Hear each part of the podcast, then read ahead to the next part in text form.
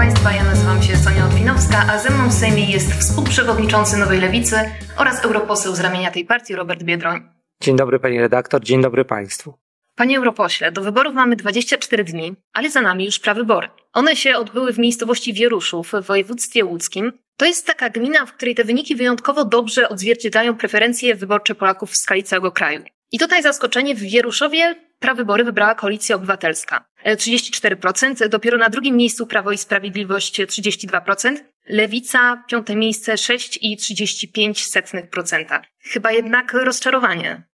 Nie, dobra zabawa, ponieważ Wieruszów to jest zabawa. Ja tam byłem i e, jeżdżę, staram się być regularnie w Wieruszowie i chciałbym podziękować przede wszystkim burmistrzowi Wieruszowa, który to organizuje wszystkim pracownikom urzędu, którzy zaangażowani są w tą zabawę. Tylko, że to jest zabawa, pani redaktor. Uczestniczą tam ludzie, którzy uczestniczą w pikniku, w, w festynie organizowanym. Frekwencja wynosi 19% i już od dłuższego czasu niestety te wyniki nie są miarodajne. Zresztą widziałem ostatnio, porównując wyniki z Wieruszowa do wyników podawanych przez PKW. Wieruszów jest na 80. miejscu dzisiaj, jeśli chodzi o porównywalność wyników w Polsce, jeśli chodzi o okręgi wyborcze, więc jest to dość daleko. Ale każdy sygnał z drugiej strony, który pokazuje, że opozycja ma szansę wygrać, jest dobry. No to w tej zabawie wygraliśmy. Mam nadzieję, że w poważnym starciu z PiSem, który wytacza największe armaty i próbuje oszukiwać, gdzie może i jak może, żeby te wybory po raz kolejny wygrać, że w tym starciu prawdziwym też wygram.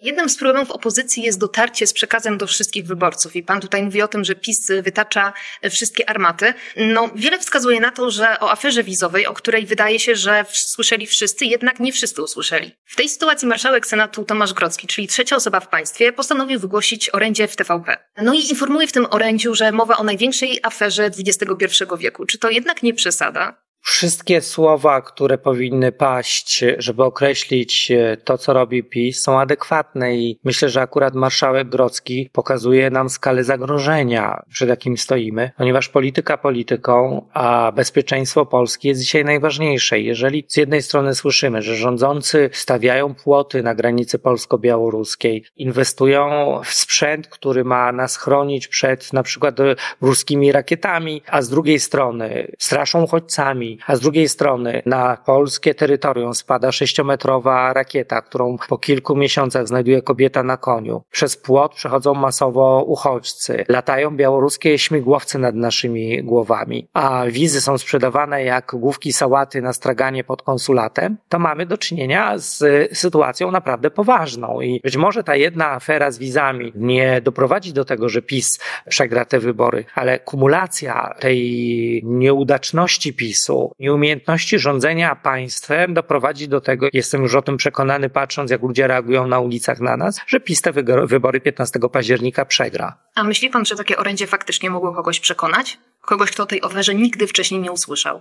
To orędzie było o tyle wyjątkowe, że marszałek Grocki mógł mówić do publiczności, do, do której my jako lewica mamy nadal przekonanie i zawsze mieliśmy, że trzeba mówić, czyli do 30% ludzi, którzy odbierają tylko i wyłącznie telewizję reżimową, rządową. Mówię o mediach publicznych i uważam, że trzeba korzystać z każdej okazji, żeby z naszym przekazem trafiać do tych ludzi. Jeżeli to orędzie było szansą na to, żeby trafić do tych 30%, którzy tylko i wyłącznie mają serwowaną papkę propagandową PiS, PiSu, to marszałek Grocki dobrze postąpił. Zostając przy Senacie, po raz kolejny opozycja wystartuje tutaj do Izby Wyższej w ramach faktu senackiego, który zakłada, że kandydaci opozycji demokratycznej ze sobą konkurować nie będą. Ale była też inna propozycja, propozycja innego paktu, czyli paktu sejmowego. Tutaj już nie chodzi o personalia, tylko o program, o wypracowanie takiego minimum programowego, które łączyłoby opozycję. I pan o ten pakt sejmowy apelował wielokrotnie. Teraz ostatni apel dotyczył tego, żeby podpisać taki pakt przed marszem 1 października. Tylko, że nic nie wskazuje na to, żeby faktycznie do, do jego podpisania doszło.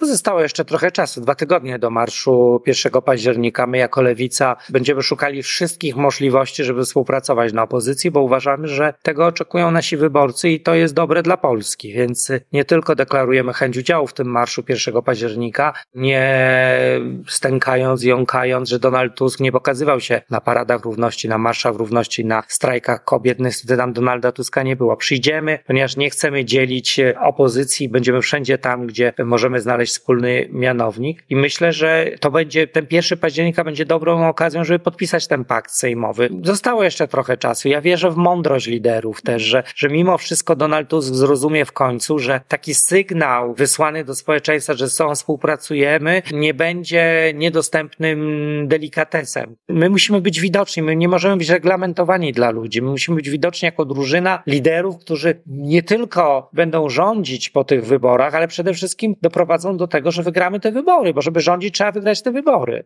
Z drugiej strony Borys Budka mówi tutaj o szczegółach współpracy będziemy decydować po wyborach. Nie, bo nie rozumiem tego. To znaczy, ludzie dzisiaj oczekują widoczności liderów. Ludzie, ludzie dzisiaj oczekują, Polki i Polacy oczekują, że my będziemy ze sobą współpracować wszędzie tam, gdzie to możliwe. Jak mamy rządzić po wyborach, jeżeli dzisiaj nie wysyłamy sygnału, że chcemy tej współpracy? No, to, to jest potrzebne i to słyszę na ulicach, więc jest jeszcze czas, żeby podpisać ten pakt sejmowy i myślę, że 1 października tak się stanie. My zresztą z Włodkiem Czerzastym przyjdziemy z tym paktem sejmowym na tę demonstrację i on będzie gotowy do podpisania przez Donalda Tuska i innych liderów. Tak jak inne ugrupowania, Lewica jest już po kilku konwencjach. W, zeszłym, e, w zeszły weekend państwo, na które możesz liczyć, a wcześniej uczciwa praca powinna popłacać. Państwo proponujecie wizję takiego nowoczesnego państwa opiekuńczego i e, rozwiązań jest mnóstwo, bo tutaj no nie tylko 25%, czyli ogromny odsetek PKB na inwestycje, 8% PKB na służbę zdrowia, 1% PKB na tanie mieszkania na wynajem, 35-godzinny tydzień pracy, zakaz pracy na śmieciówkach, leki za 5 zł, 1000 zł na każdego studenta, a nawet nie zaczęłam wymieniać tych. One wydają się być dość drogie. Zresztą był taki licznik obietnic wyborczych. Wynikało z niego, że to właśnie propozycje lewicy są najdroższe. No ten licznik był przed e, pokazaniem. E, Ale ono właśnie wciąż bije i mimo tego, że się ale jednak się zmieniło. No tak, ale e, panie redaktor, bo my nie chcemy dziadowskiego państwa, bo to jest pytanie, w jakim państwie chcemy żyć. Przez lata serwowano nam e, taką filozofię państwa, że jak szpital nie przynosi dochodu, to trzeba go zamknąć. Jak szkoła nie przynosi dochodu, to trzeba je zamykać. I zamykano i szpitale, i połączenia kolejowe, i autobusowe. Tylko koszt społeczny, nie tylko ekonomiczny, ale koszt społeczny likwidacji państwa, zwijania państwa był ogromny i PiS niestety to kontynuuje. Przypomnę, 13,5 miliona ludzi nie ma dostępu do transportu publicznego, Oczekiwanie na psychiatrę dziecięcego w Polsce wynosić może nawet do pięciu lat i taka jest rzeczywistość dzisiaj Polski. My jako lewica wierzymy w dobre usługi publiczne, dobrze zorganizowane państwo, tak jak ma to miejsce w Skandynawii, jak to ma miejsce w państwach dobrobytu, których e, mamy dobrą szkołę, dobry szpital czy dobrą komunikację publiczną. To kosztuje, przyznaję, to kosztuje. Tylko koszt społeczny braku tych rozwiązań, a później koszt ekonomiczny jest dużo większy. Więc pytanie jest, inwestować w szkoły czy nie inwestować? Inwestować w szpitale, czy nie inwestować? Przez lata nie inwestowano i mamy to, co mamy. Ludzie umierają w kolejkach do lekarzy. Dzieciaki chodzą do szkoły, w której Czarnek daje 3 miliardy złotych każdego roku na lekcje religii. Zamiast armii psychologów mamy ar armię katechetów. Pytanie jest, czy takiej szkoły chcemy. To jest kwestia pytania także o priorytety. To znaczy, te pieniądze są, tylko że one są dzisiaj źle wydawane. I ten przykład z lekcjami religii, ale mogę podać mnóstwo takich przykładów, gdzie po prostu my jako lewica zmienimy priorytety. Jak pani pyta, po co jest lewica w przyszłym rządzie, to właśnie po to, żeby dopilnować, że zakończymy dziadowskie państwo. Że zamiast na przykład upychać kasę bogatych już dzisiaj deweloperów i bankierów, jeśli chodzi o budowę mieszkań, my proponujemy narodowy program budowy mieszkań z niskim czynszem, bo państwo nie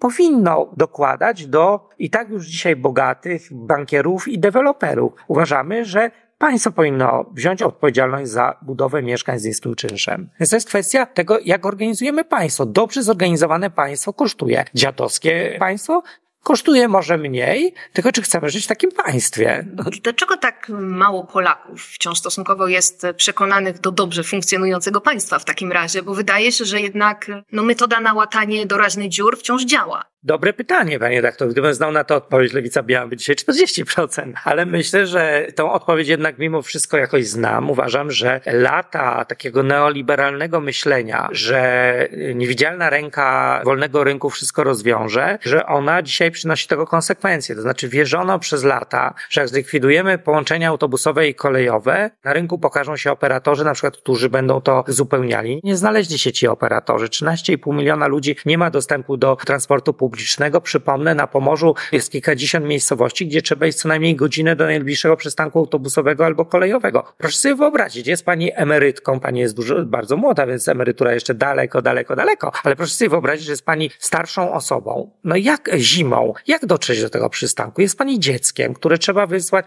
matką dziecka i trzeba wysłać dziecko do szkoły, które musi godzinę, co najmniej godzinę do najbliższego przystanku autobusowego albo kolejowego. Czy to jest państwo fair? Czy my naprawdę w 2023 roku w sercu Europy chcemy sobie pozwolić na takie państwo? Ja nie chcę. Ja nie chcę takiego państwa. Ja uważam, że jeżeli stać nas na to, żeby Czarnek rozdawał Wille Plus, żebyśmy wydawali pieniądze na lewo i prawo za pomocą różnych fundacji znajomym królika, którzy mają legitymację partyjną, to stać nas także na to, żeby dzieciaki mogły spokojnie dojeżdżać do szkoły. Ja kilka dni temu przeczytałem informację, że jest chłopiec, chyba Wojtek ma na imię, z Elbląga, dla którego nie znalazło się miejsce w szkole w Elblągu. I ten chłopiec każdego dnia dojeżdża 80 kilometrów do szkoły do Gdyni. Ten chłopiec jest niepełnosprawny, jest z niepełnosprawnościami. Państwo nie zorganizowało żadnej szkoły, nie stworzyło żadnego miejsca dla tego Wojtka w Elblągu. I ten chłopiec codziennie rano i wieczorem jeździ i wraca do szkoły. To nie jest normalne państwo, panie redaktor. To jest państwo postawione na głowie. I nasza lewicowa wrażliwość jest po to, żeby o takim Wojtku, o takiej emerytce, o takim dziecku, o tych młodych ludziach, którzy nie mają dostępu do mieszkania, o tych kobietach, które nadal nie mają równych praw, o tych ludziach, którzy chcą e, rozdziału kościoła od państwa, po prostu myśleć i być gwarantem tego, że te rzeczy zostaną w końcu i nareszcie załatwione. Mhm. Taka jest lewicowa wrażliwość. A jaka jest wrażliwość Platformy Obywatelskiej? Bo tu się pojawia nie pytanie. Wiem. No co, ja nie jestem z e, Platformy. Oczywiście, ale z drugiej strony, no Państwo mówicie Konfederacji zdecydowane nie. Koalicja Obywatelska taka zdecydowana już nie jest. Niczego nie wyklucza. Ostatnio była wypowiedź, że niektóre pomysły Konfederacji są całkiem fajne. Czy to jest zapowiedź jakiejś współpracy? Czy Państwa to martwi? Wie pani, ja sobie nie wyobrażam, że na naszych listach mógłby się znaleźć Roman Giertych. Mówię to szczerze. I to nie jest żaden atak przeciwko Platformie Obywatelskiej, tylko to jest pytanie, jakiego my państwa chcemy. Roman Giertych nie przyniósł zwyżki sondażowej Platformy, widać to. Niestety tam są nadal spadki. Nie przyniósł żadnej dzisiaj jakiejś, to nie jest game changer żaden, jak nazwałby to Michał Kolanko z Rzeczpospolitej. Okazuje się, że, że to nie jest żadna wartość dodana. Umiski do Konfederacji są o tyle gorszące, że przypomnę, Konfederacja mówi nie dla Unii Europejskiej, a nie mówi nie dla Rosji. Konfederacja mówi nie dla gejów, mówi nie dla Unii Europejskiej, mówi nie dla kobiet, mówi tak dla jedzenia psów. Uważa, że kobieta jest tylko trochę lepsza od zwierzęcia domowego, się ostatnio dowiedzieliśmy. Więc ja uważam i pani redaktor, jako jeden ze współliderów lewicy, uważam, że po wyborach wygranych przez opozycję, PiS i Konfederację trzeba otoczyć kordonem sanitarnym. Takim kordonem, który doprowadzi do tego, że nasi wyborcy nie będą mieli wątpliwości, że jakiekolwiek siły niedemokratyczne będą miały wpływ na funkcjonowanie państwa. Konfederacja i PiS to jest mieszanka wybuchowa dla polskiej demokracji, dla praworządności. To są ludzie, którzy zniszczyli polską demokrację i dlatego trzeba ich otoczyć kordonem sanitarnym i mówię to z pełną odpowiedzialnością. Jednocześnie ta sama Konfederacja w bardzo skuteczny sposób zagarnęła sobie elektorat młodych mężczyzn. Oczywiście wiadomo, że każda partia ma swój elektorat bazowy. U państwa to raczej są e, kobiety z dużych miast. Natomiast za każdym razem, kiedy pada to pytanie dotyczące propozycji dla mężczyzn, lewica odpowiada tak dyplomatycznie, że te propozycje ogólnie są dla wszystkich, więc dla mężczyzn również. Ale wydaje się, że politycznie nie do końca to działa. Przy tak mocnym akcentowaniu spraw kobiet być może przydałaby się jakaś przeciwwaga dla mężczyzn właśnie. My mamy mnóstwo propozycji dla mężczyzn, na przykład takich, że ci wszyscy mężczyźni, którzy dzisiaj są sfrustrowani, że kobiety wyjechały do dużych miast i sobie bardzo dobrze radzą, będą mogli do nich dotrzeć transportem publicznym, bo na samochód ich jeszcze nie stać, bo nie zarobili.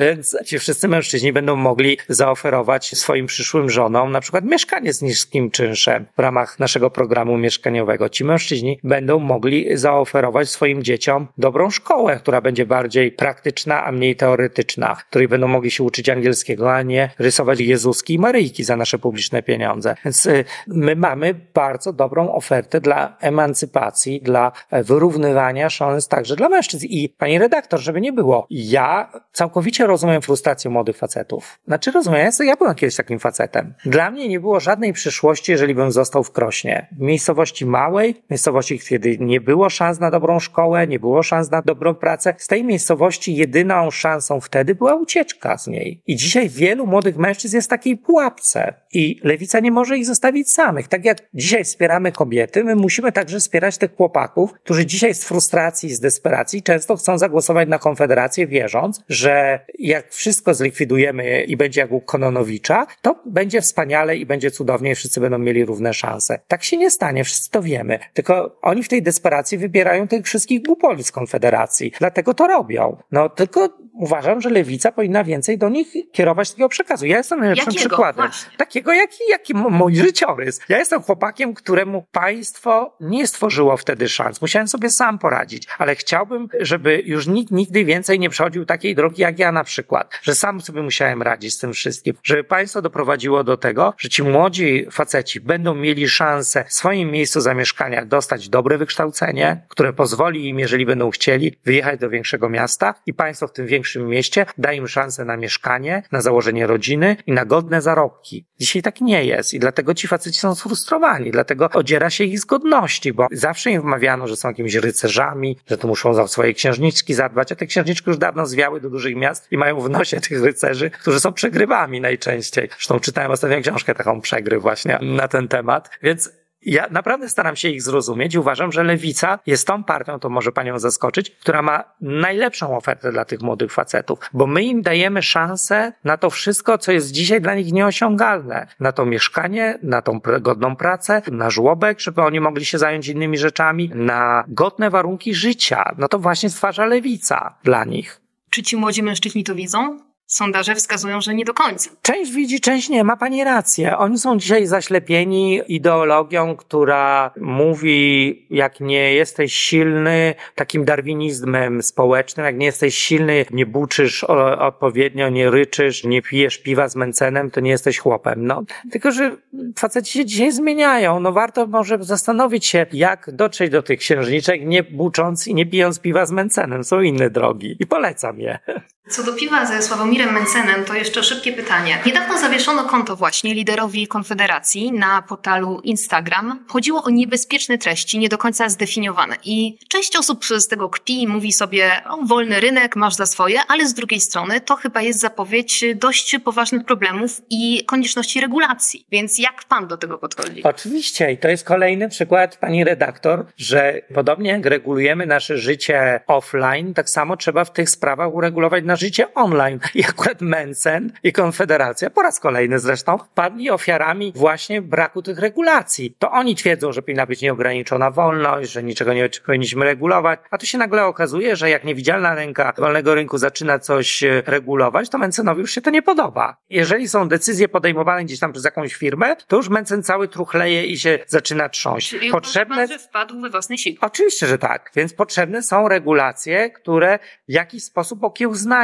rynek funkcjonowania między innymi wielkich korporacji, do których należą media społecznościowe, mające ogromny wpływ na kształtowanie opinii publicznej. Pozostawianie Elonowi Muskowi możliwości decydowania o tym, jakie konto jest zawieszone, jakie nie jest, jest bardziej niebezpieczne, uważam, niż pozwalanie Kaczyńskiemu podsłuchiwania jednego czy drugiego polityka w Polsce, bo wpływ jego X.com, czyli byłego Twittera, jest tysiąckrotnie większy niż wpływ Kaczyńskiego na rzeczywistość. I jeżeli to zrozumiemy, to zrozumiemy powagę konieczności wprowadzenia tego typu rozwiązań. Wracając jeszcze do postulatów, dużo miejsca poświęca się wiekowi emerytalnemu i absolutnie nikt nie mówi tutaj wprost, że ten wiek emerytalny należałoby podwyższyć, ale no prawie właśnie do tego dąży, bo pojawiła się deklaracja właśnie ze strony Adriana Zandberga, szefa Razem, że zrównanie wieku emerytalnego dla kobiet i mężczyzn jest praktycznie nieuniknione. I tutaj de facto mówi dokładnie to samo, co na przykład Ryszard Petru.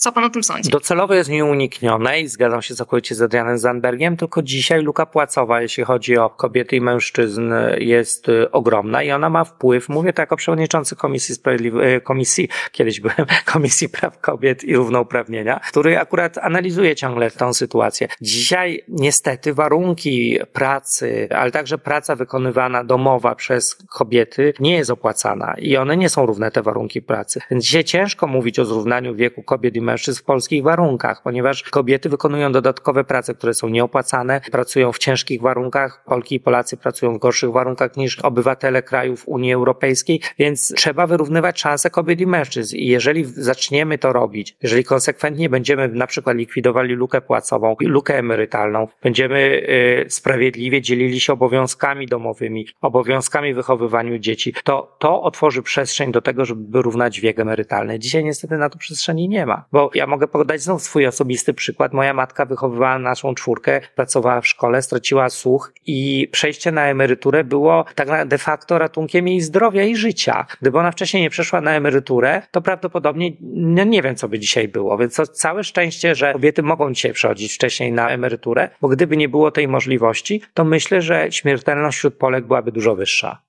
Czyli kiedyś, nie wiadomo kiedy, kiedy zaistnieją odpowiednie warunki. To Myślę, jest dyplomatyczna odpowiedź. Nie, nie, nie, konkretna bardzo. To mm. znaczy, jeżeli wyrównamy lukę płacową, jeżeli wyrównamy lukę emerytalną, powiedziałem, jeżeli doprowadzimy do tego, że kobiety i mężczyźni będą mieli coś, co lewica walczy, dostęp do żłobków i przedszkoli, czyli ten ciężar opieki nad dziećmi spadnie na przykład z babci, które przechodzą na emeryturę także dlatego, żeby wykonywać obowiązki opiekuńcze. Przecież pani dobrze wie i wszyscy wiemy. Wiele z naszych babci nie ma spokojnej emerytury emerytury, gdzie sobie jeździ na rowerze, chodzi z kijkami, Nordic Walking, zwiedza sobie miasta i stolice europejskie, zajmuje się dziadkiem, zajmuje się domem, wychowuje wnuczki. Więc wtłaczanie kobiet nadal w te tradycyjne, patriarchalne ramy sprawia, że im jest ciężko się wyrwać z tego wszystkiego, a to wszystko je kosztuje zdrowie i odpowiednie finanse, dzięki czemu zarabiają mniej i mają niższe emerytury.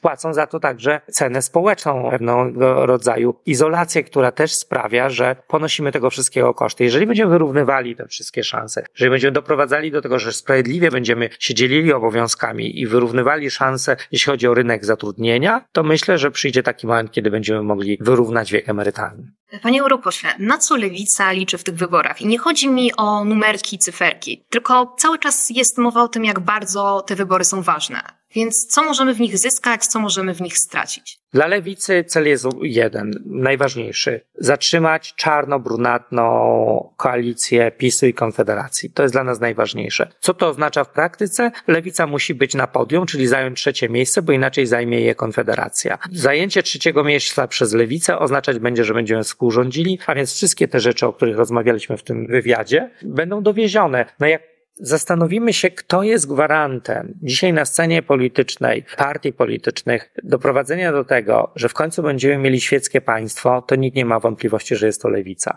Jeżeli się zastanowimy, kto na przykład będzie walczył z determinacją o związki partnerskie, o równość małżeńską, o prawa kobiet, o prawa do właśnie mieszkania, o prawo do dobrze zorganizowanej szkoły, szpitala, to nikt nie ma wątpliwości, że jest to lewica. Więc jeżeli chcecie państwo mieć gwarancję, że Tusk po wyborach nie zapomni o tych wszystkich wszystkich rzeczach, że z tyłu będzie Biedroń, Zandberg, Schering-Wielgus i inni mu do, do ucha mówili, hej Donald, umówiliśmy się, że te mieszkania z niskim czynszem też zrobimy, że nie tylko będziesz budował stadiony i lotniska, ale także będą mieszkania dla ludzi. Donald, obiecałeś likwidację funduszu kościelnego, dowieziemy to, musimy to dowieść, bo to będziemy tego pilnowani jako lewica. To głosujcie na lewicę państwo. Znaczy my będziemy wiercili dziurę w brzuchu Tuskowi o te wszystkie sprawy. On każdego dnia będzie słyszał od nas, że się na to umówiliśmy w umowie koalicyjnej, a tak zrobimy, położymy to na stole i będzie musiał to dowieść. Więc to jest gwarancja, więc dlatego trzeba głosować na lewicę i dlatego lewica musi być jak najsilniejsza w tych wyborach, żeby jak najwięcej z nas wierciło mu dziurę w brzuchu. Współprzewodniczący Nowej Lewicy, europoseł Robert Biedron. Dziękuję Pani bardzo. Wszystkiego dobrego. Dziękuję.